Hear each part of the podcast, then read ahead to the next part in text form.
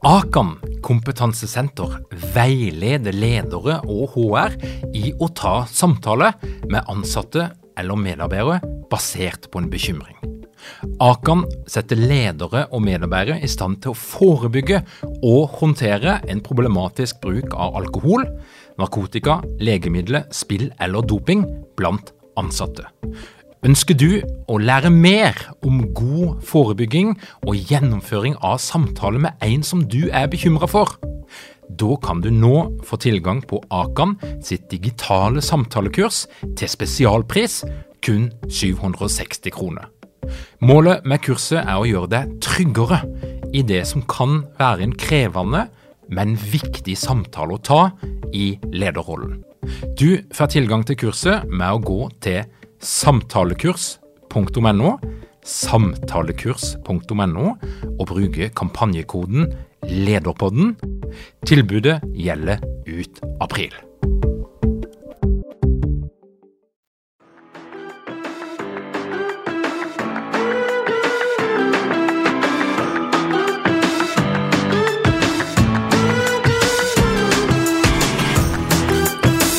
Velkommen til Lederpodden. Mitt navn er Tor Åge Eikrapen. Jeg jobber som organisasjonspsykolog, og dette her er en podkast om ledelse. Bør egentlig alle bli ledere? Altså, er det for alle? Og hva er det du bør tenke grundig igjennom før du sier ja til din første lederjobb?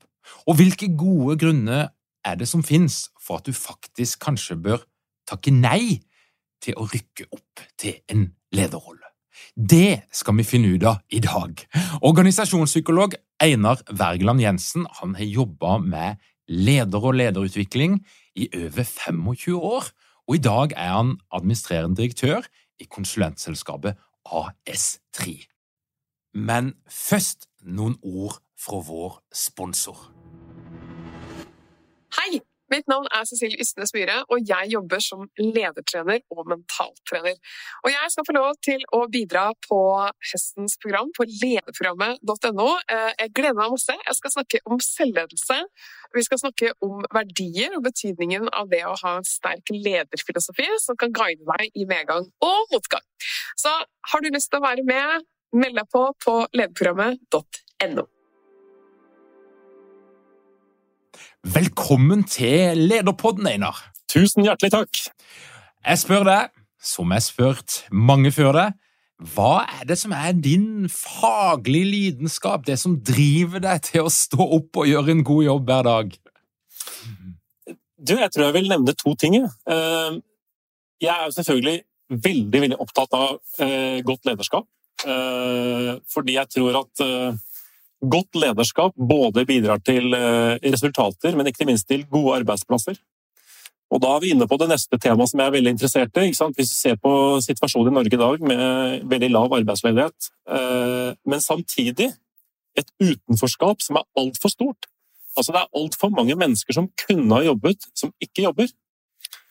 Og eh, Det mener jeg er en ganske stor samfunnsutfordring som vi kan gjøre noe med. Og det engasjerer meg veldig mye, og det får meg til å stå opp hver eneste dag og tenke ut hvordan kan vi gjøre dette smartest mulig, treffe folk med de behovene de har, eh, og ikke produsere mennesker som er syke og som må slutte å jobbe tidlig i livet, f.eks. Og Det betyr at du møter mange forskjellige eh, mennesker, altså både mennesker som blir leda, og mennesker som leder. For I AS3 så jobber du ikke med, med du kan ha et ganske sånn diversifisert tjenesteområde. Men la oss nå ta de her lederne. For jeg vet at lederutvikling det er noe som har fulgt deg gjennom hele karrieren, og, og, og det begynner å bli ganske mange år. og Da er det jo liksom grunn til å ta en prat om Altså, er, det, er det verdt det? For det, altså, Du er leder sjøl, men, men, men, men hva, hva, hva, slags drivkrefter er det som ligger bak når folk velger å gå inn i en lederrolle? La oss starte der. Ja, la oss starte der. Du, vet du hva? Jeg møter som du sier, veldig mange ledere. Unge ledere, nye ledere, erfarne ledere. Mm. Og jeg, jeg, og jeg, fungerer ofte som en lederveileder, eller coach, kan du kalle det. Eh, for, altså individuell coach for, for ledere. Og det som slår meg ofte, for jeg er veldig interessert i å høre ofte når jeg begynner å jobbe med en person, Eh, hva er historien din inn i ledelse? Og da kommer man inn på motivene. Og det er veldig overraskende hvor mange tilfeldigheter som styrer folks valg i forhold til ledere. Altså jeg vil påstå at Svært mange velger en lederrolle uten å ha noe som helst peiling på hva det faktisk innebærer. Og noen eh, velger også en lederrolle uten å egentlig kjenne seg selv veldig godt i forhold til en lederrolles krav. Så eh, Det er selvfølgelig mange som velger en lederrolle eh, fordi de har tenkt gjennom det, men overraskende mange havner i ledelse og velger de egentlig ikke. Og de kan havne i ledelse ved at eksempel, når det er din tur til å være leder Det, så, det kan være praksisen noen steder. Andre tenker at nei, den, den muligheten dukket opp, så det må jeg bare si ja til. Men det er ikke noe gjennomtenkt, reflektert valg over hvorfor akkurat meg i lederrollen, og hva det egentlig vil bruke en sånn mulighet til. Mm. Og hva, hva er hovedgrunnene til at enkelte egentlig burde si nei? Altså Hvis det er sånn at de da blir spurt eller blir forfremma, altså at det, det, er ikke noe som du søker deg aktivt til, hvorfor burde enkelte si nei? Altså, en veldig viktig grunn Jeg tror at en, en, altså en helt sentral forutsetning for å kunne like å drive med ledelse, det er at du er glad i folk. Du liker å jobbe med mennesker. Og hvis du egentlig syns det er morsommere å jobbe med faget ditt og kanskje holde på for deg selv og lese og dykke og være en fagperson, så skal du tenke deg godt om. Selv om det er en karrieremulighet og det følger med en del prestisje og alt dette her stæsjer rundt en lederrolle, da bør du tenke deg nøye om. Du bør, du bør spørre deg selv liker jeg å bruke mye av tiden min på å snakke med folk, møte folk i forsamlinger, snakke med dem én til én, være opptatt av livene deres, hjelpe dem til å lykkes. Hvis svaret er ja på det, så er iallfall én av forutsetningene til stede. Mm. Og jeg møter jo en del mennesker som tenker ja, men jeg kan være 5-10% leder hvis jeg kan være fagperson resten. Men det er ikke sånn det funker. Er du leder, har du en lederrolle, så ser folk på deg som leder hele tiden. Uansett hva du driver med. Du er og blir en leder når du har valgt å ta en lederrolle. Så Derfor så dette med, dette med å like å forholde seg til mennesker og menneskelige problemstillinger eh, mye av tiden din, det bør du svare ja på. Eller så bør du svare nei, hvis, hvis svaret er nei på at du ikke liker det. Det, er jo lett å bli smigra hvis du blir spurt om, om, å være leder. og Det knytter seg jo litt status til det. Det kan knytte seg noen frynsegode, litt høyere lønn, eh, ting som samfunnet tenker er bra. Men, men hva er det som, som i det å være leder som folk flest ikke er så bevisst på, eller ikke er klar over? Hva er de litt sånn skjulte baksidene som du må håndtere og deale med Eh, når du går inn i en lederrolle? Ja, altså eh, Det er klart at eh, noen av baksidene for noen, da, med mindre du liksom trives godt med det jeg nå skal nevne, det er jo selvfølgelig at du havner altså når, når mennesker er sammen i grupper og organisasjoner, så oppstår det konflikter. Det oppstår uenigheter som kan bli konflikter. Så du må, du må være i stand til å også kunne like og for, ikke elske konflikter, men du må, du må kunne takle og forholde deg til dem på en konstruktiv måte, og gå inn i dem og løse dem. Det er, Klart, det er en god del mellommenneskelige utfordringer som du typisk som leder møter i en del samtaler. F.eks. det å skulle snakke med en person som absolutt leverer langt under standarden. Eh, så du må være i stand til på en måte å, å Du må ha noe relasjonelt mot da, til å gå inn i disse situasjonene og være en vennlig person som samtidig er tydelig. Slik at du kan formidle eh, og, og, og liksom snakke med folk om det som er når det gjelder presentasjonene deres, f.eks. Og så tror jeg det er viktig å tenke på at eh, eh, ledelse handler om flere ting enn det rent mellommenneskelige. Du du må jo ville noe. Du må, du, må, du, må, ha en slags idé om hva er det jeg skal bruke muligheten til når jeg nå blir leder. Enten du er for et lite team, en prosjektgruppe, eller du havner lenger opp i ledelsessystemet. Jeg tror du må tenke gjennom hva er det faktisk jeg har lyst til å få til sammen med mine, mine medarbeidere. Hva er ledelsesideen din? Og noen kaller det kongstanke. Eh, det tror jeg du må tenke litt gjennom. Og du trenger ikke nødvendigvis ha det svaret helt presist før du tar si ja til en lederrolle, men en eller annen idé om hva du vil bruke den muligheten til, tror jeg du skal ha. Og så vil den bli til nesten som et polaroidbilde. Når du er i dialog med dine medarbeidere, så skal de selvfølgelig fylle på det bildet og være med å skape den retningen og den framtidsvisjonen som du skal jobbe etter. Og stille seg spørsmål liksom, ok, eh, hvis jeg skal være her en stund som leder, hvilket avtrykk er det jeg har lyst til å sette sammen med mine folk?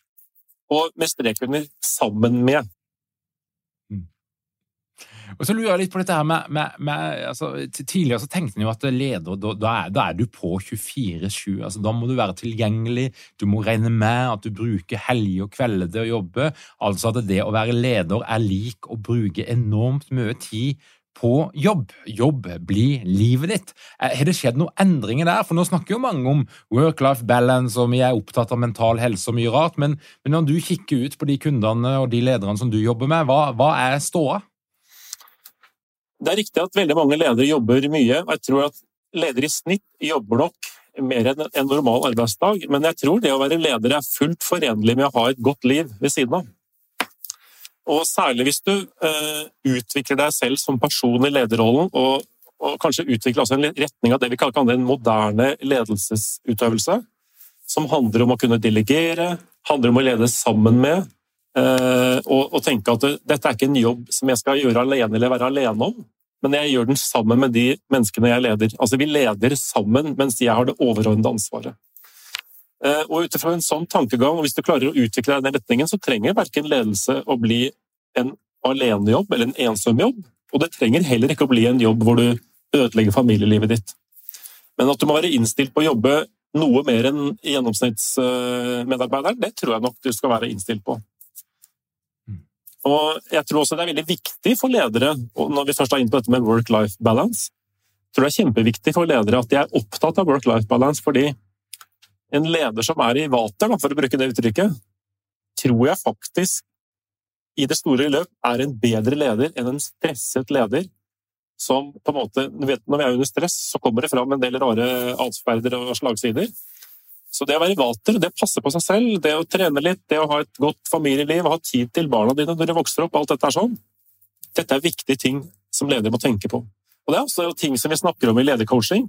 Hvordan folk som kanskje har latt altfor mye tid til jobben sin, hvordan de kan ta tilbake den balansen noe mer da, og få det bedre med seg selv. Og eh, sikkert også bli en bedre leder for de du er leder for. Du, du, har vært i denne bransjen lenge, og jeg tenker jo at det er noen temaer innenfor ledelse som er litt sånn tidløse. Altså, det kommer alltid til å være aktuelt å trene på lytting og kommunikasjon og snakke om de her tingene, men, men hva er den største endringa, hvis du skal prøve å tenke helt tilbake når du dumpa inn litt i konsulentbransjen og, og ledelsestema første gangen, eh, sammenligna med, med, det som er aktuelle tema i dag? Hva, hva er liksom de største forandringene på de her årene? Jeg tror den aller største forandringen er eh, tempo, altså endringstempo. Hvordan teknologi skyter fart på endringstempo. Eh, slik at det å lede i dag eh, handler mye om å klare balansegangen mellom å drifte noe eksisterende og samtidig skape et, en, en slack og et handlingsrom for å klare å bruke tid på å tenke ut hva gjør vi om to-tre år? Ehm, hvis man som en del virksomheter havner i den fallgruven som handler om at vi bruker mest tid på å drifte det vi allerede driver med i dag altså det, det, vil man alltid gjøre, bruke mest tid på det, selvfølgelig, men mm. hvis du ikke bruker all tid på det, så står man i fare for å bli irrelevant. Og dette er jo noe som de fleste ledere vet, men det å ta konsekvensene av det jeg nå sa, det er det ikke alle ledere som gjør. Så det, det, å skjønne at ja, jeg må bruke noe tid på framtida, vi må sette av noe tid til å eksperimentere og teste ut nye ting, men å faktisk gjøre det, faktisk allorkere ressurser til det, det tror jeg faktisk er en, en forandring som, som, har skjedd i løpet av de 25 årene jeg har holdt på med dette. Eh, og det, det, kan vi også se bevis på i forhold til hvor lenge varer en forretningsmodell i dag versus eh, for 30 år siden. Den varer kortere i snitt. Og, og det, er jo, det er noe av resultatet. Og, eh, men, men, utover det så er jo mennesker er mennesker. Vi er, altså, vi er ikke forandret som menneskehet. sånn at det å jobbe med folk er jo veldig mye av det samme som sier. Eh, kommunikasjon, samtaletrening, alt dette er ferskvare. Altså, selv om du gikk et kurs i, i Førfjord, liksom, så er du liksom ikke utlært. og det, Vi blir aldri utlært. Vi må alltid være kvasse i knivene og trene på det og være forberedt. Så det, det, det går ikke av moten. Men endringstempoet er vesentlig skrudd opp. Og så er jo ledelsesfeltet det er jo litt, sånn mot, litt moteprega på den måten at vi har hatt noen modeller som har fått stort gjennomslag i en periode, og så dabber det litt av, og så kommer det noe annet. Og i en periode så snakka vi mye om transformasjonsledelse, for eksempel. Altså at ledere de skulle være karismatiske, de skulle lede gjennom å være forbilde, og du fikk egentlig et inntrykk at du skulle være litt um, Petter Stordalen, for å sette det litt på spissen. Mm. Altså at hvis du skulle være en velfungerende leder, så måtte du egentlig skru på personligheten din til å bli noe som, som var litt mer flamboyant og, og fargerikt enn det som kanskje var naturlig for deg. Hva, hva, hva tenker du om, om det i dag? Ja, det, altså, det, det, tenker jeg ganske mye om. Jeg, jeg, har reflektert litt over det. At dyktige ledere som jeg møter, er utrolig forskjellige. Ta for eksempel Stordalen. Det er en person som de fleste har sett og hørt. Og som er en slags fyrverkeri av en leder. ikke sant? Masse karisma og i hvert fall fremstår veldig ekstravert. Og så har du den nye, nye NRK-sjefen. Det er ikke mange som har hørt om Hvis du spør folk på gata hvem er den nye NRK-sjefen, så tror jeg ikke de fleste vil kunne si det. Men Vibeke Fürst Haugen er en utrolig dyktig leder som eh, leder på en helt annen måte. Begge ledelsesformer kan fungere, men de gjør det på veldig forskjellige måter. Det som er fellestrekket, tror jeg, det er nok at de kjenner sine styrker og kvaliteter, kan hvile litt i dem, de stoler på at jeg har noe i meg selv som jeg kan bruke ledelse for å drive ledelse på min måte. Og de hopper ikke på den nyeste bølgen hele tida. De skaper seg sin egen eh, filosofi, nærmest, rundt hvordan skal jeg drive ledelse slik jeg er skrudd sammen. Det tror jeg er fellestrekket, men hvordan det kommer til uttrykk, kan være ganske forskjellig. Og Derfor er jeg veldig opptatt av, også når vi, når vi jobber med individuelle ledere, å snakke om styrkene. Vet, Det som er styrkene til en person, det er ofte ting som vi tar for gitt. Vi ser det ikke alltid selv. Så det å snakke med en annen menneske, være dialog med et annet menneske om dette, det kan hjelpe oss til å faktisk se at å, det jeg, det jeg har å by på, er faktisk noe som er ganske spesielt. Det er ikke alle som har det. Jeg har det. Og den, den tryggheten der er viktig. Og når vi ser 30 år tilbake, da jeg begynte med lederutvikling som eh, ganske ung psykolog, så var vi mer på det at vi skulle prøve å tegne et slags glansbilde av en leder, og så skulle vi utvikle seg i retning å bli sånn. Det har vi heldigvis forlatt, da. Og godt er det. Og godt er det. Det er god, ja. god utvikling. men, men, eh, ledere har jo det ofte til felles at de kommer ifra et fag, eller det, det er veldig få som har en formell lederutdannelse som det første de gjør og så kan du få lov til å jobbe som leder. Men, mens i mange yrkesgrupper så, er, så, må du ha et fagbrev, du må ha et eller annet bevis på en sånn grunnkunnskap. Og så tenker jeg at Det som skjer i samfunnet vårt, er jo en profesjonalisering og en formalisering som òg treffer ledere. Altså, Vi kan f.eks. snakke om arbeidsmiljøloven, vi kan snakke om varslinger. Det er en masse eh, formelle faktorer som du må kunne ganske mye om som leder. Hva, hva tenker du, bør, bør, det være et krav for ledere at de har en formell lederutdannelse, eller lever vi godt med at, at folk kan ha alle mulige typer bakgrunner, og så får de finne litt veien sjøl? Jeg, jeg, tror at man kan leve godt med at man har forskjellige bakgrunner. Eh, jeg tror ikke det er dumt å ha en lederutdannelse. Jeg tror bare at det er, det er så mye mer som skal til for å kunne utøve godt lederskap i praksis enn det å ha en master, f.eks. Så det har kanskje gått litt inflasjon i det å ta en master. Eh, og så er det mange ting som du påpeker. Regelverk. La oss si at du skal lede i staten. Da. Det er ganske mye regler du skal sette deg inn i. Altså. Så du må være villig til å faktisk sette deg inn og tenke at det er ikke noe jeg kan kimse av. Jeg er nødt til å på en måte ha en slags basisforståelse av regler og lover og avtaler som treffer dette feltet. Skal du jobbe i politiet, for eksempel, som jeg gjorde, så må du forstå hvordan det funker i Justisdepartementet hvordan eh, et direktorat er skrudd sammen. Altså, det er mange ting som skal forstås, og det lærer du ikke på psykologistudio eller på, eh, på BI nødvendigvis. Så det må du sette deg inn i. Og utover det så tror jeg at, at gode ledere kan ha mange forskjellige bakgrunner. Da. Men jeg tror gode ledere de er faktisk ganske dyktige til å oppdatere seg og gidde å sette seg inn i de tingene som på en måte er en slags basis og si, altså fundamentkunnskap da, som de må ha i bånn. De orker å gjøre jobben. Ja. Uh, apropos politiet, formalisering, uh, varsling. Altså, du er jo utsatt som leder. I dag. Altså, du, du, du, kan risikere å få stor oppmerksomhet i media, du kan bli hengt ut på sosiale medier, du eksponerer deg på en måte som gjør at mange har mening om deg, og du kan òg bli utsatt for prosesser, altså les varsling, som ikke nødvendigvis handler om deg som person, men det handler om at du er satt til å ta en upopulær beslutning, gjennomføre en upopulær endring. Altså, hvor mye robusthet må du ha for å være rusta for, for å, løpe en sånn type risiko? For det er jo en risiko du tar når du da sier ja til, til lederrollen.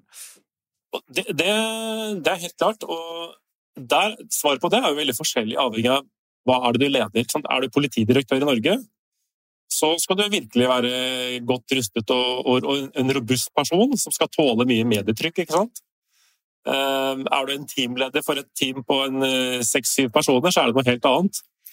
Men du må, tror jeg, altså det som er felles, er at du må tåle å bli kikket i kortene. Du må, du må, tåle å bli kikket i kortene, og du må, du må uh, tåle at noen kritiserer deg. Du må tåle å uh, åpne opp og uh, la folk kunne gi deg tilbakemelding på hvordan de opplever deg. Så på den måten, Og det i seg selv krever en viss robusthet. Det er ikke alle som fikser det så godt, men det krever en viss robusthet. Men det ekstreme medietrykket du møter som toppleder i staten eller i andre private virksomheter, det er klart det er beintøft. Eh, og vi har jo sett flere eksempler i mediebildet det siste året eh, på ledere som blir veldig utsatt. Det er klart at eh, Hvis du kikker litt i kulissene, der, sånn, så er nok det personlig ekstremt tøft. Så Jeg tror ingen er så robuste at ikke det, det går hardt inn på dem. Endelig er vi klare. Påmeldinga til høstens utgave av lederprogrammet er nå åpna. Vi snakker om tolv uker, to fysiske samlinger, seks digitale ekspertmoduler og læringsgruppe der du møter andre ledere. Du blir inspirert, du får oppdatert kunnskap, praktiske verktøy og du dere mange ledere uten trening eller utdannelse innen ledelse? Mangler dere en felles kultur og praksis for ledelse? Ønsker du å være bedre rustet for fremtidig vekst og endring? Da kan et internt lederutviklingsprogram være en god investering.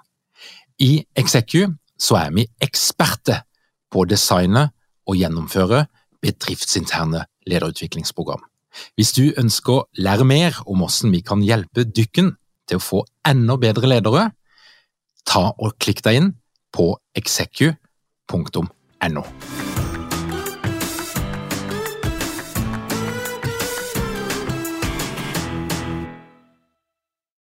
innsikt som forandrer.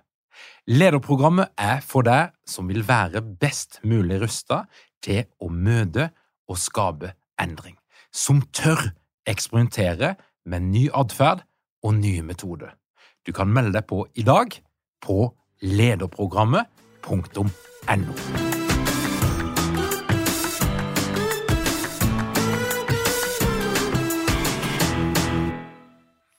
Du, du har jo sjøl uh, sittet nå ti år i en topplederrolle eh, for et, et stort eh, selskap. Og, og, og, da er jo kanskje tanken slått deg, hvor lenge skal en leder sitte? Altså, det, kan en sitte livet ut, eller er det, finnes, altså, hva, hva, slags betraktninger skal en gjøre seg rundt det? Ja, Det er et godt spørsmål, og ja, jeg har stilt meg det spørsmålet. ikke sant? Jeg, jeg, jeg, og jeg har en veldig god vane sammen med min, min nærmeste leder, altså min styreformann det er at hvert eneste år så har vi en god samtale hvor det er en, altså et tema på dagsorden. Det er jo flere temaer, men ett av de er er Einar den riktige lederen det neste året. Det er ingen automatikk i at jeg skal fortsette å lede, å lede dette selskapet. Og på et tidspunkt eh, så skal selvfølgelig ikke jeg lede det lenger. Men jeg tror faktisk det er en god vane som jeg kan anbefale andre. at Selv om du har havna i ledelse, en gang i tiden, eller valgt det. Så det betyr jo ikke det at du skal fortsette på dødelig. Så det å ta opp dette valget, det kan du ikke gjøre hver 14. dag, men du kan ta det opp kanskje en gang i året og så stille deg spørsmålet har jeg den nødvendige motivasjonen. Har jeg ideene som, som dette selskapet trenger å jobbe med? Har folk tro på de ideene jeg har for selskapet? Og er jeg den riktige personen med de egenskapene som skal til for å lede selskapet inn i neste fase? For Det kan godt hende at Einar passa veldig godt i ASD en stund, men så kommer vi inn i en ny fase på nye forretningsområder som kanskje gjør at vi skal slippe til andre. Og Da må jeg, da må jeg være innstilt på, uten at det skal oppleves noe prestisjetap, å tre til siden og overlate roret til andre, og kanskje finne meg noe annet å drive med, eller i det samme selskapet gjøre noe annet. Så det tror jeg er litt viktig at vi vet at eh, vi har jobben på låns. Da. Eh, og jeg, jeg, tror heller ikke det er et poeng at du skal være leder to år et sted og sprette unna. Jeg tror faktisk, hvis du virkelig vil utrette noe, så må du tåle å sitte en god stund. Altså. For det tar tid å skape noe. Eh, å realisere en kongstanke, det tar tid. Syns du at det er for mange som blir sittende for lenge? Det, nei, jeg, jeg, jeg, det, har ikke, det, har ikke, slått meg at folk uh, blir sittende for lenge. Uh, nei, det har ikke det. Uh, men det har heller slått meg at folk blir sittende for kort. Ja. at de, altså det å sitte et år eller to i en lederrolle, altså, hva får du gjort på, på den tida? hvis du virkelig skal skape en forskjell? Nei, det tror jeg det er, det er krevende. Så tre år pluss tror jeg er et minimum for å virkelig få gjort en forskjell. Altså. Mm. Og skal du fungere da, og være på topp i så mange år, så, så, må du jo, som du sier, egentlig bedrive en eller annen form for utvikling. Eh, eh, altså at Som leder så kan du verken som på den menneskelige eh, aspektet eller når det gjelder kunnskap, metode Du kan ikke stå stille. Den tida er i hvert fall forbi. Men, men hva er det ledere gjør, eller bør gjøre, for å greie å fylle rollen sin best mulig over tid? Hva, hva er liksom de virkelig gode verktøyene for å utvikle seg sjøl? Bortsett å gå, eh, fra å gå til Einar og, og bli coacha, eller til Tor Åge? Ja, eh, det eh, Jeg tror det er viktig at ledere har et sted hvor de kan snakke om ledelse i altså litt sånn uforstyrret. Det kan være at du er et nettverk. Det nettverket kan, du, altså det kan være et sånn type nettverk som på en måte består av andre ledere som du snakker med, om lederutfordringer. For det, det å få kryssende perspektiver på dine egne utfordringer er spennende. Eh, jeg tror du kan få det dels ved å ta en videreutdanning, men det er veldig mange andre ting enn akkurat det å ta en videreutdanning som kan dekke det behovet du snakker om. Eh, men du må, tenke, du må, stille spørsmålet har jeg et sted hvor jeg kan snakke om ledelse i ro og fred. Har jeg et, har jeg et lite sånn eh, eh. Eh, har jeg en å snakke med om det som jeg ikke kan snakke med de nærmeste rundt meg om i lederrollen? Tror jeg er viktig. Og det trenger ikke være en coach. Eh, det kan være en annen lederkollega et annet sted. Det kan være eh, i et nettverk med andre ledere, f.eks. Jeg tror faktisk det er noe av det viktigste at man bør sørge for å ha for å kunne øh, jobbe med sitt lederskap. Og så er det tror jeg også viktig at sant, Du sa det i sted, at vi kan ikke stå stille. Jeg tror man må orke og gidde å lese en del. Altså. Altså, jeg tror man må, Du må rett og slett følge med i feltet, faget, lese. Sørge for at du har kilder, podkaster. Jeg hører på din podkast uh, stadig vekk.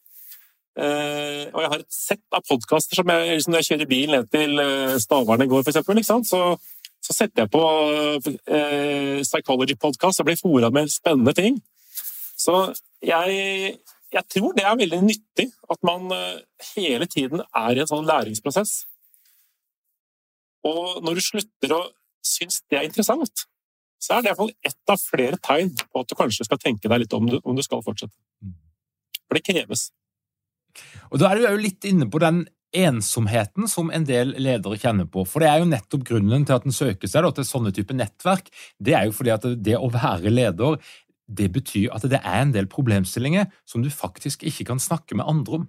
I hvert fall ikke dine kollegaer. Ja. Det er det. Og hvis du, ser på, altså hvis du tenker på ensomhet, sånn som vi vanligvis tenker om ensomhet, så, så handler det om at du har mindre sosial kontakt enn det du ønsker deg.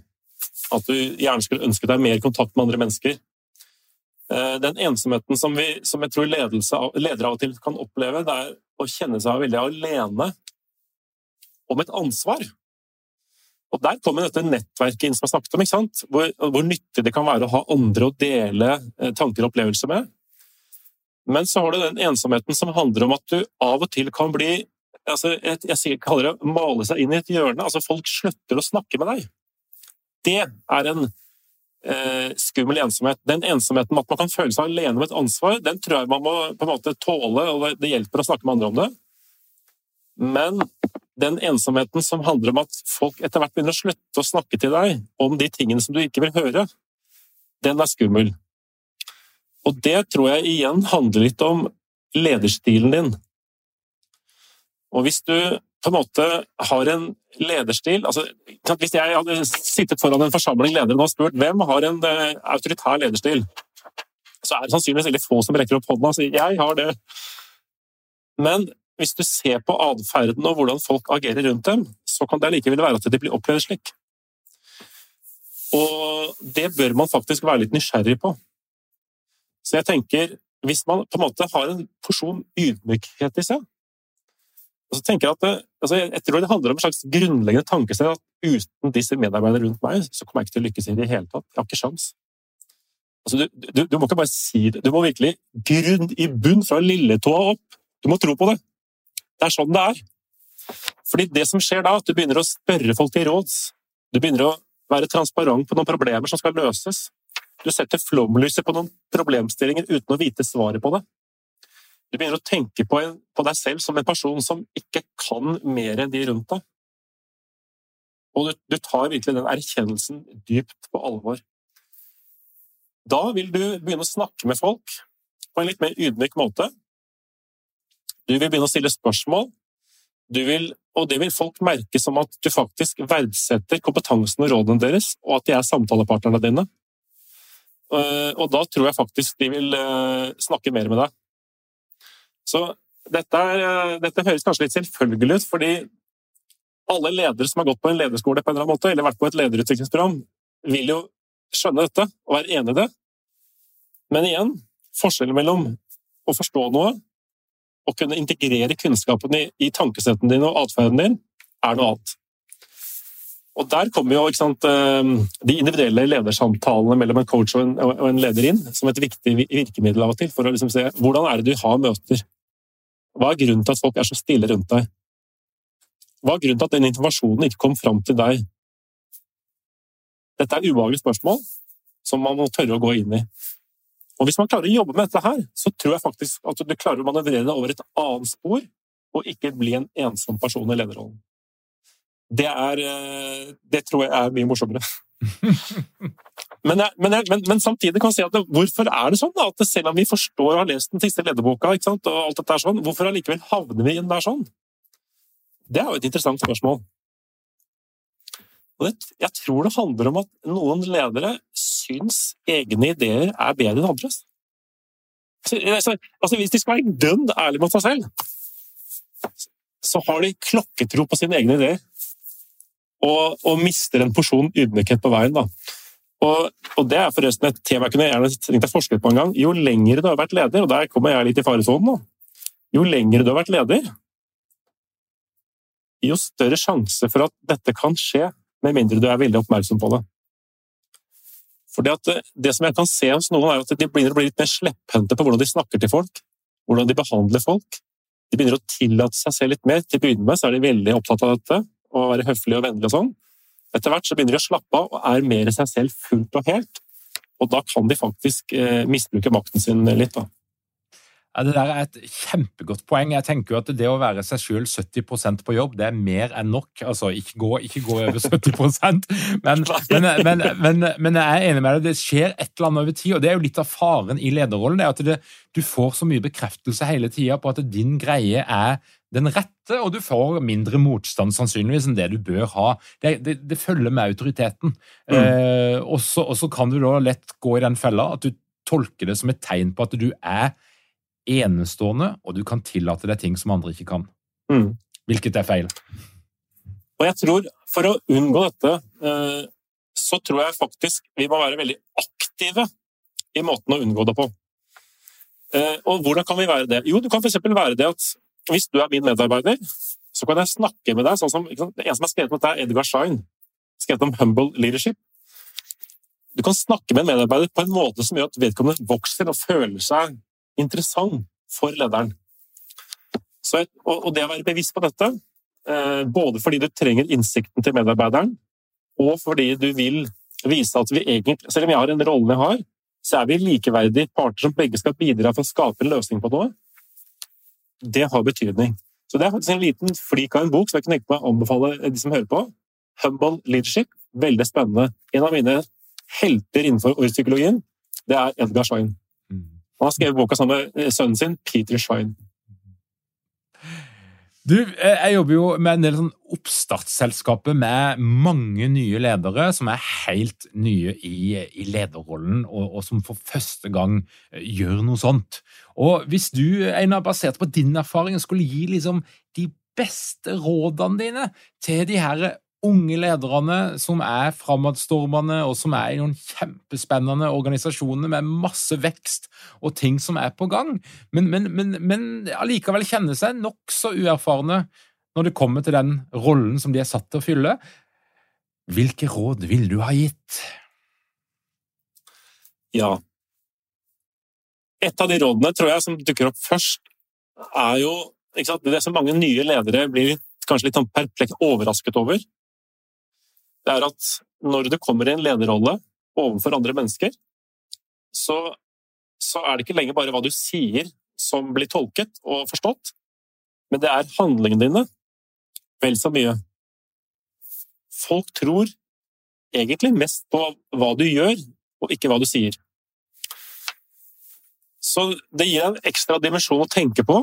Hva er det jeg signaliserer gjennom hva jeg prioriterer, hvordan jeg svarer folk, hvordan jeg leder møter. Eh, hva signaliserer jeg gjennom eh, hvor jeg velger å være og prioritere tiden min? Så Det, det er ett råd, og det, det, er ikke noe sånn uh, quick det, men, men, det er veldig interessant å begynne å tenke gjennom dette her, sånn, så at det er kongruens da, som vi kaller det, mellom ord og handling.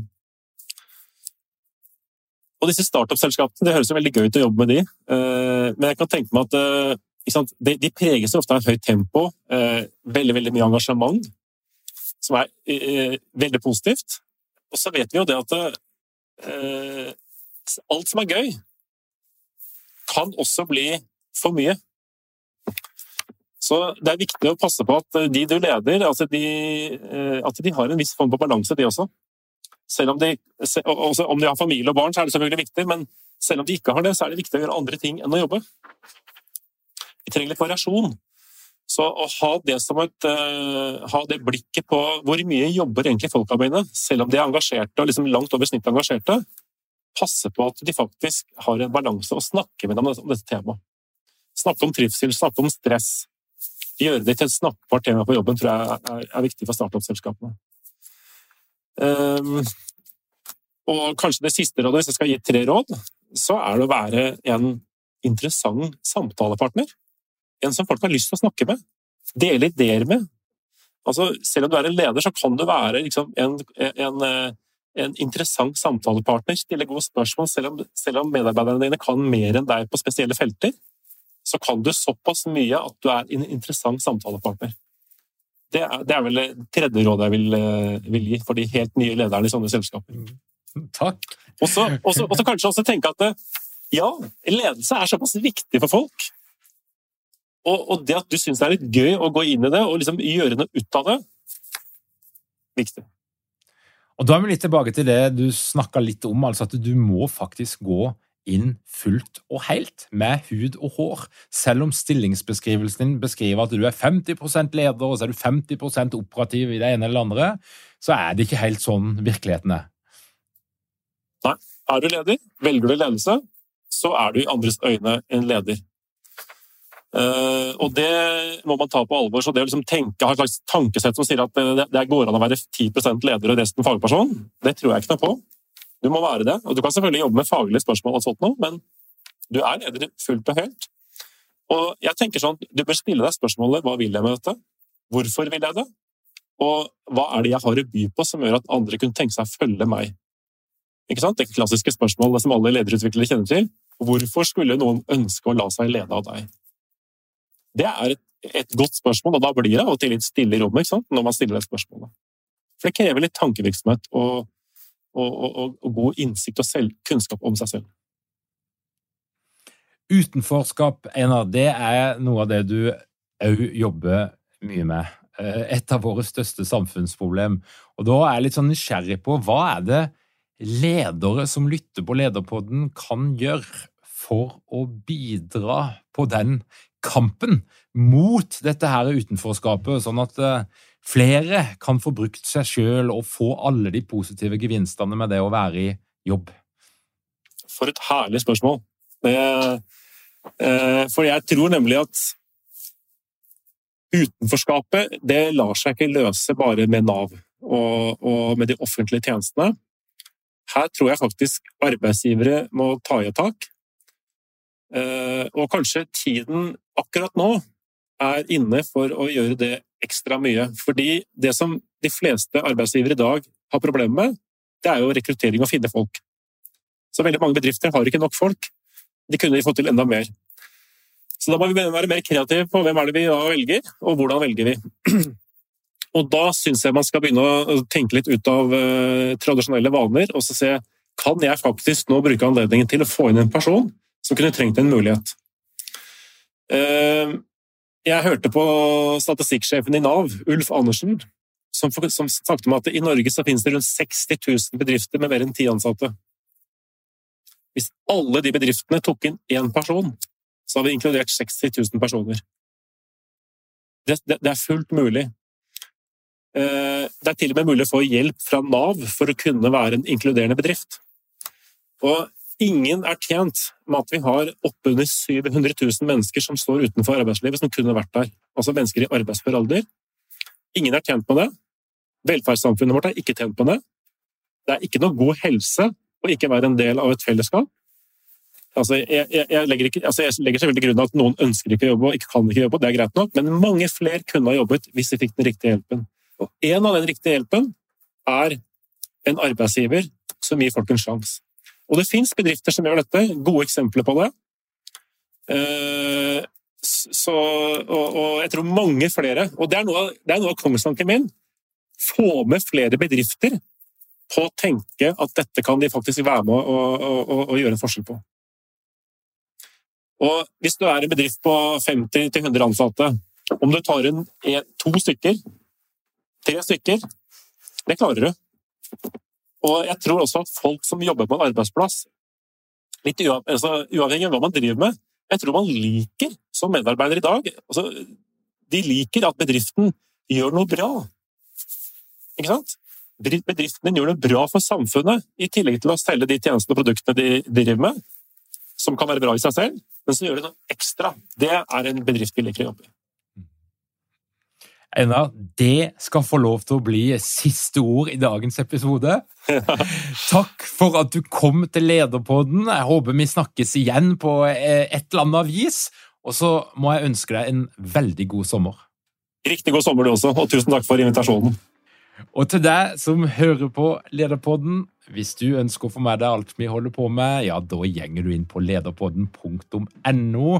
Legg igjen din e-post, så får du vårt nyhetsbrev hver eneste uke.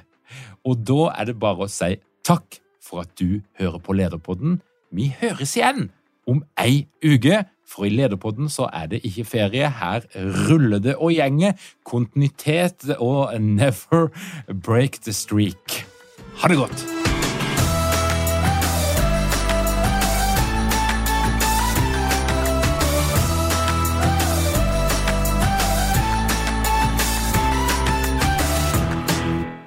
Lederpodden er gitt til deg av Execu. Vi tilbyr leder- og ledergruppeutvikling som gir effekt. Les mer på execu.no.